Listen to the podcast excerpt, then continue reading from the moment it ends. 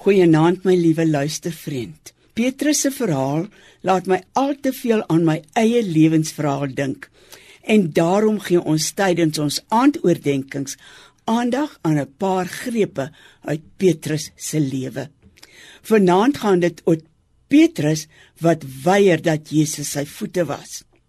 Lê saam met my aan die tafel tydens die laaste avondmaal. Jesus, die gasheer, word die dienskneg en hy was sy disippels se voete. Toe hy by Simon Petrus kom, is sy onmiddellike reaksie: "Here, gaan U my voete ook was?" Vers 6. "U sal tot in ewigheid nie my voete was nie." Die nuwe lewende vertaling vers 8. Die vurige Petrus sien hierdie aksie wat Jesus se dood simboliseer as totaal onvanpas vir sy Here.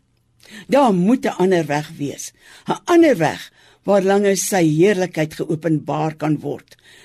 Hy sou nie soos die ander ouens toelaat dat die meester sy voete was nie.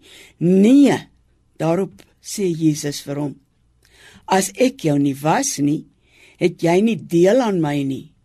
En Petrus sê vir hom: Here, dan nie net my voete nie, maar ook my hande en my gesig. Jesus sê vir hom: Hy wat klaar gebad het, is heeltemal skoon. Jy hoef later niks meer as sy voete te was nie. En julle is nou skoon, maar nie almal nie. Jesus het geweet wie hom sou verraai.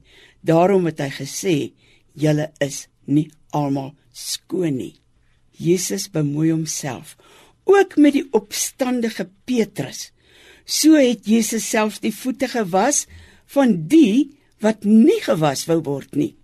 Dit kan wees dat jy nie heeltemal seker of jy gewas is nie. Of jy voel dalk soos 'n verraaier omdat jy Jesus nog nie aangeneem het as 'n persoonlike saligmaker nie. Dan wys Jesus na jou vanaand.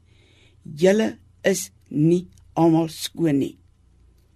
Liewe vriend, maak die saak sommer vanaand nog uit en laat Jesus toe om jou voete te was om jou te reinig. Jesus baie dankie dat U my voete was. Help my om U voorbeeld te volg en ook laag te buig voor ander en hulle voete te was. Al wil hulle nie gewas word nie. In U naam vra ek dit. Amen.